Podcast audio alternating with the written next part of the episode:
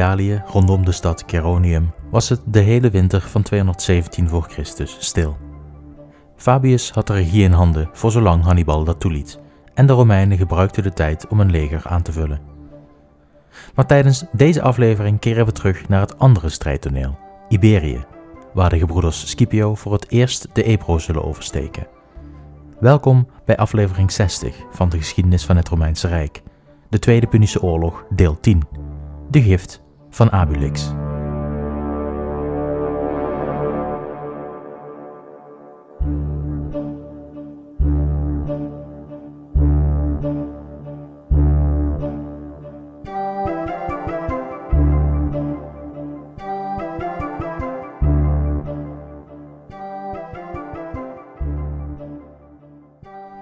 De gebroeders Scipio waren in Iberië in voorbereiding van een campagne zuidwaarts.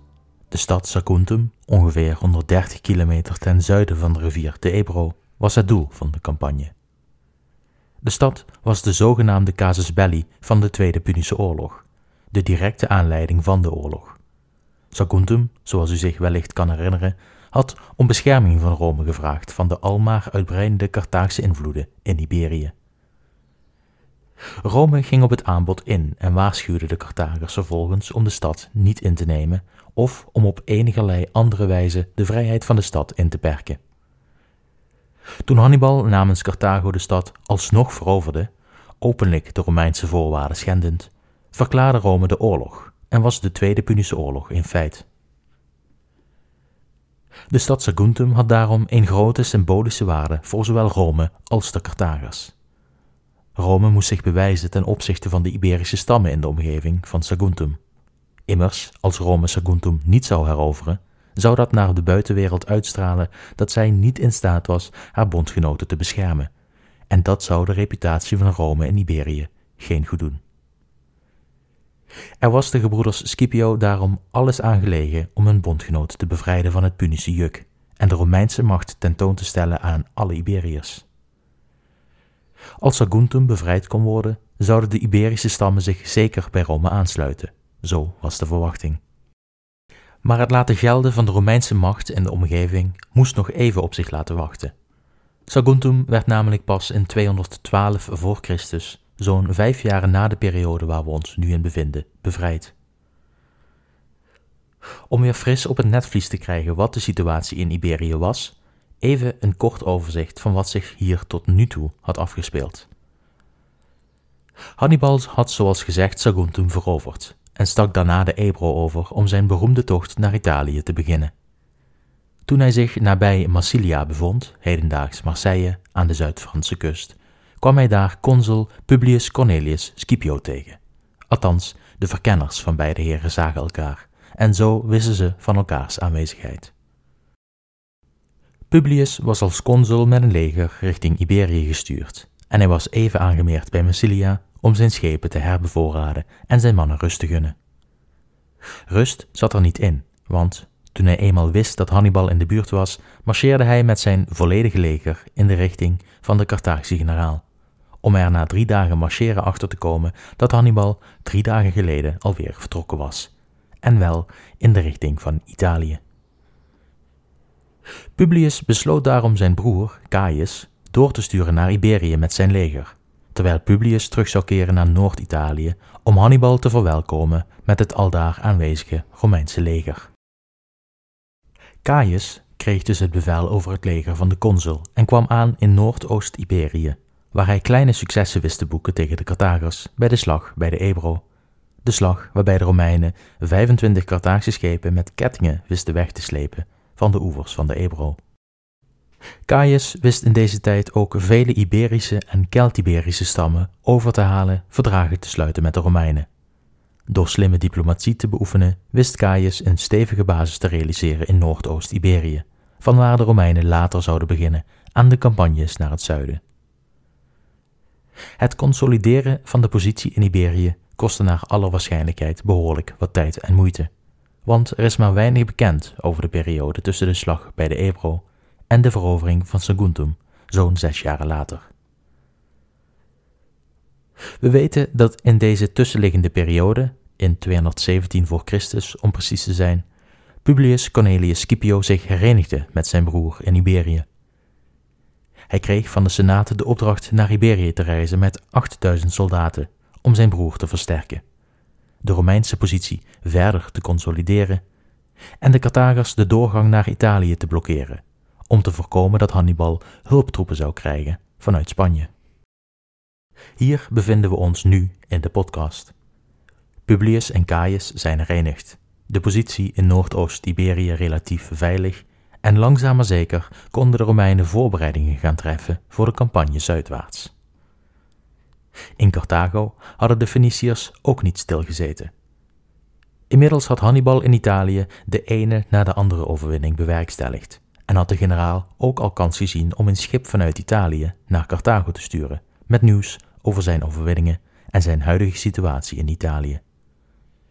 Hij vroeg om hulptroepen en broodnodige bevoorrading, waar de Sufeten in Carthago gehoor aan gaven. Het plan van de Carthagers was als volgt. Mago Barcas, de jongere broer van Hannibal, had laatstgenoemde vergezeld tijdens zijn tocht naar Italië. Toen Hannibal in 218 voor Christus aankwam in Italië, stuurde hij zijn broer Mago over land terug naar Iberië. Eenmaal hier kreeg Mago in 217 voor Christus de opdracht van de Sufeten om een leger te verzamelen om een invasie van Italië voor te bereiden. De bedoeling was om het nieuwe leger naar Carthago te verplaatsen en vanaf hier een invasie over zee te organiseren, waarbij de Carthagers zouden landen nabij Locri, de stad die nog steeds bestaat in de punt van de laars van Italië. Het plan liep naar verwachting en de invasie was reeds in de voorbereiding. Maar de gebroeders Scipio behaalden in Iberië onverwachte overwinningen, waardoor de voorbereidingen van de invasie moesten worden afgebroken en Mago weer richting Iberië werd gestuurd, om Hasdrubal, de broer van Hannibal en bevelhebber in Iberië, te versterken. Historici, zowel die uit de oudheid als moderne, denken dat de gebroeders Scipio wel eens de oorlog voor Rome gewonnen hebben door Mago gedwongen terug te laten keren naar Iberië en daarbij een invasie voorkomend. Immers hadden de Romeinen hun handen al vol aan één Carthaagse legermacht in Italië, laat staan als daar nog een tweede aan werd toegevoegd. Maar wat deden de gebroeders Scipio wat Mago dwong terug te keren naar Iberië? Omwille van het verhaal gaan we even creatief om met de chronologische volgorde van de oorlog. We gaan in dit deel van de aflevering een deel van de campagne in Iberië bekijken, die zich afspeelde tussen 217 en 215 voor Christus, terwijl we in Italië pas net in 217 voor Christus zijn aangekomen. Zo kunnen we een duidelijk beeld schetsen van de gebeurtenissen in Iberië en in Italië, zonder steeds ieder jaar tussen beide strijdtonelen te hoeven schakelen. Enfin, we beginnen in 217 voor Christus in Iberië. Mago had Iberische strijders geworven en was met dit nieuwe leger richting Carthago vertrokken voor de geplande invasie van Zuid-Italië. Hij liet Hasdrubal dus achter om de zaken in Iberië te regelen en de Romeinen uit Iberië te verdrijven. Hasdrubal had het lastig met de Romeinen. Ten eerste was hij een deel van zijn vloot verloren bij de rivier de Ebro in 217 voor Christus en naar aanleiding van deze nederlaag ontstonden er opstanden onder de Turdetani-stam, een Iberische stam in het zuiden van Spanje, vanwaar vele bemanningsleden van de verloren vloot gerecruiteerd waren. De Iberiërs waren niet blij met het verlies van hun mannen in de strijd, en dus brak er een opstand uit die door Hasdrubal neergeslagen moest worden. Hij stuurde een behoorlijk deel van zijn leger in de richting van de opstand in het zuiden van Iberië, wat de druk op de Romeinen in het noorden logischerwijs verlichten. De Scipio's hadden genoeg tijd om hun positie te consolideren en de legers van de beide broers samen te voegen voor de komende campagne. De Romeinen maakten ook goed gebruik van de slag die zij de Carthaagse marine hadden toegebracht bij de slag bij de Ebro, door non-stop de Iberische kust in Carthaagse handen, vanaf de zee aan te vallen en te plunderen. Hasdrubal kon er maar weinig tegen beginnen hij verspreidde zijn nog aanwezige leger weliswaar over de kust, maar ze konden door een beperkte aantallen natuurlijk niet overal zijn. En de Romeinen vielen daarom steeds de zwakke plekken aan. En Hasdrubal moest leidzaam toezien hoe de Carthaagse macht getart werd door die formale dijde Romeinen. Toen de opstand van de Turdetani hardhandig neergeslagen was, bereidde Hasdrubal zijn mannen voor op een beweging noordwaarts. De Romeinen moesten snel aangepakt worden, anders zouden steeds meer Iberiërs zich openstellen voor Romeinse hulp en zou de Carthaagse invloed al maar minder en minder worden. De noodzaak om in te grijpen werd nog eens versterkt door de gebeurtenis met de gijzelaars in Saguntum. Hannibal had tijdens de verovering van Saguntum en de rest van Noordoost-Iberië vele stammen de Carthaagse overheersing opgelegd. Om er zeker van te zijn dat de Iberiërs hun loyaliteit niet zouden heroverwegen zodra Hannibal in Italië was, eiste hij van iedere stam enkele jonge kinderen van belangrijke mannen op, die als gijzelaars in Saguntum werden gehouden. Toen de Romeinen eenmaal geland waren in Iberië, werd de angst van Hannibal werkelijkheid. Steeds meer Iberiërs stonden vriendelijk tegenover de Romeinen en vijandelijk tegenover de Carthagers. Maar de stammen waartoe de gegijzelde kinderen behoorden, bleven begrijpelijkerwijs trouw aan Carthago. Maar door de steeds assertiever wordende Romeinen en de zwakheid van Carthago, pijnlijk blootgesteld door de Romeinse overwinning bij de rivier de Ebro en de aanhoudende Romeinse plunderingen, begon ook de loyaliteit van deze Iberiërs haarscheuren te vertonen. Toen ergens in 217 of begin 216 voor Christus de Scipio's met hun leger de Ebro overstaken en in de richting van Saguntum marcheerden, wendde ene Abulix, een Iberisch stamhoofd, zich tot de Carthaagse gezaghebbers in zijn stad. Hij gaf ze de tip de kinderen terug te laten keren naar hun stammen, om zo een geste te doen naar de Iberiërs en via hun dankbaarheid hun loyaliteit richting Carthago te verstevigen. Abulix' idee werd gewogen en goed bevonden. Ze stuurde hem samen met de kinderen uit de stad om ze terug te brengen naar de verschillende stamhoofden. Maar Abulix vertrok niet richting de stamhoofden. Hij begeleidde de kinderen naar het noorden, rechtstreeks in de handen van de gebroeders Scipio. Deze kinderen zijn mijn gift aan u, zei hij, dat u ze mag gebruiken om mijn broeders te overtuigen van uw macht, zoals u mij reeds overtuigd heeft. Abulix had de geruchten van de Romeinse macht opgevangen in Saguntum en was tot de conclusie gekomen dat Carthago niet bij machten zou zijn om de Romeinse opmars te stoppen. Hij koos er daarom voor om zich aan te sluiten bij de waarschijnlijke overwinnaar van het conflict, om de belangen van zijn eigen mensen op de lange termijn veilig te stellen. De kinderen werden daarom overhandigd aan de Scipio's, en die deden precies hetzelfde als wat Abulix de Carthagers had voorgesteld. Ze brachten de kinderen terug naar de stamhoofden, als teken van de goede wil van Rome, in ruil voor vriendschappelijke relaties en hulp in het conflict met Carthago. Het mag geen verrassing zijn, maar dit was een ramp voor de Carthagers. De stammen in de omgeving van Saguntum sloten en masse verdragen met de Romeinen en zweerden hun loyaliteit aan deze goedaardige en eervolle nieuwkomers. De actie van Abulix had het resultaat dat de Romeinen de verovering van Saguntum uitstelden. Waarom wordt niet duidelijk uit de bronnen. Ze waren immers onderweg naar de stad toen Abulix hen de kinderen aanbood. Maar aangezien de Romeinen de stad pas vijf jaren later zouden veroveren, laat blijken dat de noodzaak om de stad te veroveren even weg was. Wellicht had de verovering doel om de lokale Iberiërs over te halen zich aan te sluiten, en was dit met het terugbrengen van de kinderen niet langer nodig. Hoe dan ook, Abulix had een geweldig cadeau aan de Romeinen gegeven, en de Iberiërs sloten zich steeds meer bij hen aan. Voor Hasdrubal was de situatie nu nijpend. Zou hij niets doen, dan zouden steeds meer bondgenoten de overstap maken naar de vijand. En dus besloot hij niet langer te wachten en zo snel mogelijk voorbereidingen te treffen om de Romeinen te verslaan. Hij kreeg van de Senaat in Carthago de opdracht om de Romeinen te verslaan en een weg vrij te maken naar Italië.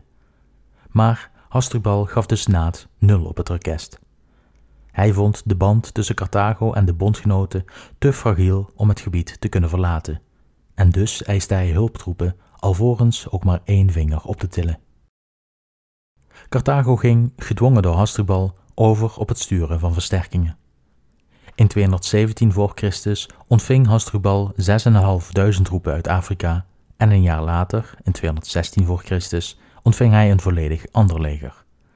Welk leger dat precies is, wordt niet gezegd, maar het lijkt in ieder geval niet te gaan om het leger van Mago, welke pas na de aanstaande veldslag naar Iberië wordt gestuurd.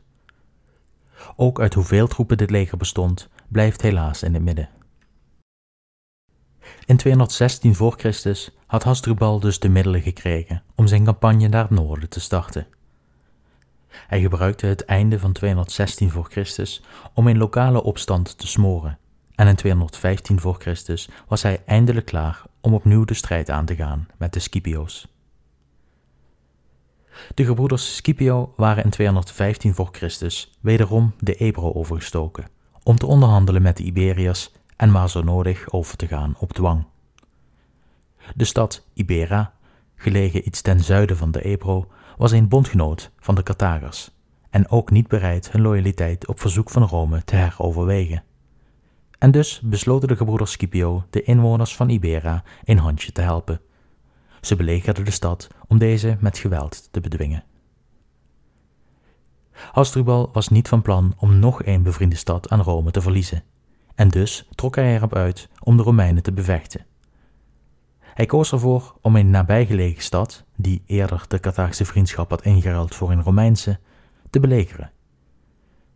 De Scipio's reageerden zoals verwacht en braken de belegering van Ibera af om Hasdrubal een gevecht aan te bieden. Hasdrubal accepteerde en ook hij brak zijn belegering af. Ergens aan de zuidkant van de rivier de Ebro vond de veldslag van Ibera plaats in 215 voor Christus. Er zijn maar weinig details beschikbaar over de slag zelf. Zo weten we niet precies hoeveel manschappen bij de veldslag betrokken waren, maar de schatting ligt ergens tussen de 20 en 25.000 aan iedere zijde. Van de Romeinen weten we dat zij zich in de gebruikelijke formatie opstelden. Twee legioenen Romeinse zware infanterie in het centrum, geflankeerd door Italische bondgenoten. De infanterie stond uiteraard opgesteld in de Romeinse formatie triplex Acis, met aan beide zijden cavaleristen, met name Kelten uit Noord-Italië en Iberische ruiters van de nieuwe bondgenoten. Hasdrubal koos voor de volgende opstelling. Hij had een behoorlijk aantal Iberische lichtbewapende voetsoldaten. Zonder harnassen werden zij opgesteld in het centrum van zijn formatie. Aan beide zijkanten werden zwaar bepanserde en zwaar bewapende Libiërs opgesteld, samen met mannen die door Livius Puni worden genoemd, wellicht de benaming voor Fenicische soldaten uit Carthago zelf. Daarnaast stelde hij op de flanken zijn Libische en Iberische cavalerie op. Voor de formatie werden ongeveer een twintigtal krijgsolifanten opgesteld, die tijdens de beschrijving van het gevecht niet meer genoemd worden wat erop duidt dat deze krijgsolifanten maar weinig effect hebben gehad op de slag zelf. Ondanks de summiere beschrijving van de slag zal ik deze toch zo goed als mogelijk proberen te beschrijven. Allereerst de krijgsolifanten, die normaliter de eerste golf van de Carthaagse aanval zouden zijn. Het feit dat de krijgsolifanten niet meer genoemd worden, betekent dat deze gemakkelijk door de Romeinen verslagen werden. Hoe kan ik helaas niet vertellen. Wellicht hebben de Scipio's gebruik gemaakt van trompetten, trommels en andere materialen die een kakofonie konden voortbrengen, waardoor de krijgsolifanten vluchtten. Een tactiek die later door de beroemde Publius Scipio Africanus, de zoon van, gebruikt zou worden. Wellicht werden de dieren simpelweg neergehaald en afgemaakt. Hoe dan ook, de olifanten werden naar alle waarschijnlijkheid snel onschadelijk gemaakt, waarna de eerste volleys aan speren uitgewisseld werden. Na de gebruikelijke formaliteiten bewogen de linies naar elkaar toe. De uitstekend uitgeruste Romeinen in het centrum kwamen in contact met de slecht uitgeruste Iberiërs, en de Romeinse bondgenoten zagen zich tegenover de in verlangsformatie opgestelde en uitermate zwaar bewapende Libiërs en Feniciërs. Nog voordat de slag goed en wel onderweg was, toonden de eerste haarscheuren in de Carthaagse formatie zich. De Iberiërs werden gebroken Talloze Iberische soldaten ontvluchtten de frontlinie en maakten dat ze wegkwamen. Het Romeinse centrum, gedisciplineerd als ze waren, maakte direct een beweging door het gebroken Carthaagse centrum om de Carthaagse flanken te omsingelen. Maar de Libiërs en Feniciërs draaiden hun verlangsformatie zo dat deze nu in de richting van de legioenen opgesteld was. Het centrum van de Romeinen vocht hevig met de Carthaagse flanken, die zich van twee kanten belaagd zagen worden. Vanuit het centrum door de Romeinse legioenen en recht voor hen door de Romeinse bondgenoten. Het duurde dan ook niet lang of de phalanxformatie moest gebroken worden om niet omsingeld te worden, en zonder deze formatie verloren zij het voordeel ten opzichte van de Romeinen, die door het vluchten van de Iberiërs nu ook nog in de meerderheid waren. De cavalerie op de flanken hielden elkaar in evenwicht. Hevige gevechten brachten geen winnaar, maar de slag tussen de voetsoldaten was reeds verloren. De Carthagers konden de cohesie niet hervinden en werden vrij simpel overrompeld door de in aantal grotere Romeinen. Het was een bloedbad, gevuld met Carthaags bloed. Livius spreekt nog over de Libische infanterie die felle tegenstand bood tegen de Romeinen. Ze wisten veel schade toe te brengen aan de Romeinen, maar leden ook zelf veel verliezen. Uiteindelijk wisten de Libiërs zich uit de dreigende omsingeling te worstelen uit pure wilskracht en wisten een behoorlijk deel het slagveld te ontvluchten. De overlevende krijgsolifanten en de Carthaagse cavalerie wisten zich vrij ongeschonden terug te trekken, samen met Hasdrubal en de Libische infanterie. De rest van de soldaten, met uitzondering van de gevluchte Iberiërs, werden gedood of gevangen genomen door de Scipio's. De slag bij Ibera was een glansrijke Romeinse overwinning en Hasdrubal zou nooit meer herstellen van deze slag. De aspiraties om de Romeinen te verdrijven uit Iberië waren nu onrealistischer dan ooit, en voor de rest van de oorlog zou hij zich dan ook richten op de verdediging. Hannibal moest het door de slag bij Ibera stellen zonder hulptroepen voor de rest van de oorlog. De slag bij Ibera was een grote overwinning voor de Romeinen, ook al wist men dat toen der tijd nog niet. Door de slag had Hasdrubal een groot deel van zijn leger verloren en door de steeds meer opstandige Iberiërs kon hij zijn leger niet meer aanvullen met nieuwe Iberische troepen. Sowieso is de verwachting dat de Iberische troepen door de slag bij Ibera werden gezien als onbetrouwbaar. Livius schrijft dat de Iberiërs zo snel vluchtten van het slagveld, omdat zij dachten dat wanneer Hasdrubal zou overwinnen, ze waarschijnlijk de zeer zware tocht moesten maken richting Italië. En daar hadden de Iberiërs, net als bij Hannibal al het geval was, simpelweg geen belang bij. Ook kan het meespelen dat de Iberiërs Rome als uiteindelijke overwinnaar zagen en dat het het daarom niet waard was om te vechten voor Hasdrubal, die reeds eerder al enkele nederlagen te verduren had gehad tegen de Scipio's. Hoe dan ook, het directe gevolg van de Romeinse overwinning was dat Mago van de Carthaagse Senaat zijn voorbereidingen voor de invasie van Italië moest afbreken en werd teruggestuurd naar Iberië. Dat was de grootste verdienste van de gebroeders Scipio tijdens de gehele oorlog. Zonder het te weten hadden ze voorkomen dat Hannibal versterkt zou worden door een tweede leger, en hadden ze Italië behoed voor een tweede Hannibal. Klaus Zimmermann, een gerenommeerde Duitse historicus, stelt zelfs dat de overwinning van de Scipio's bij Ibera de beslissende slag van de Tweede Punische Oorlog is geweest, die Rome heeft gered van de ondergang. En zo komen we bij het einde van deze aflevering. We laten Iberië nu weer even achter ons, want op het menu voor de volgende aflevering staat een van de grootste gebeurtenissen uit de Romeinse geschiedenis op ons te wachten, namelijk de slag bij Cannae. Voor nu hoop ik dat u weer heeft genoten van deze aflevering. Bedankt voor het luisteren en tot de volgende keer.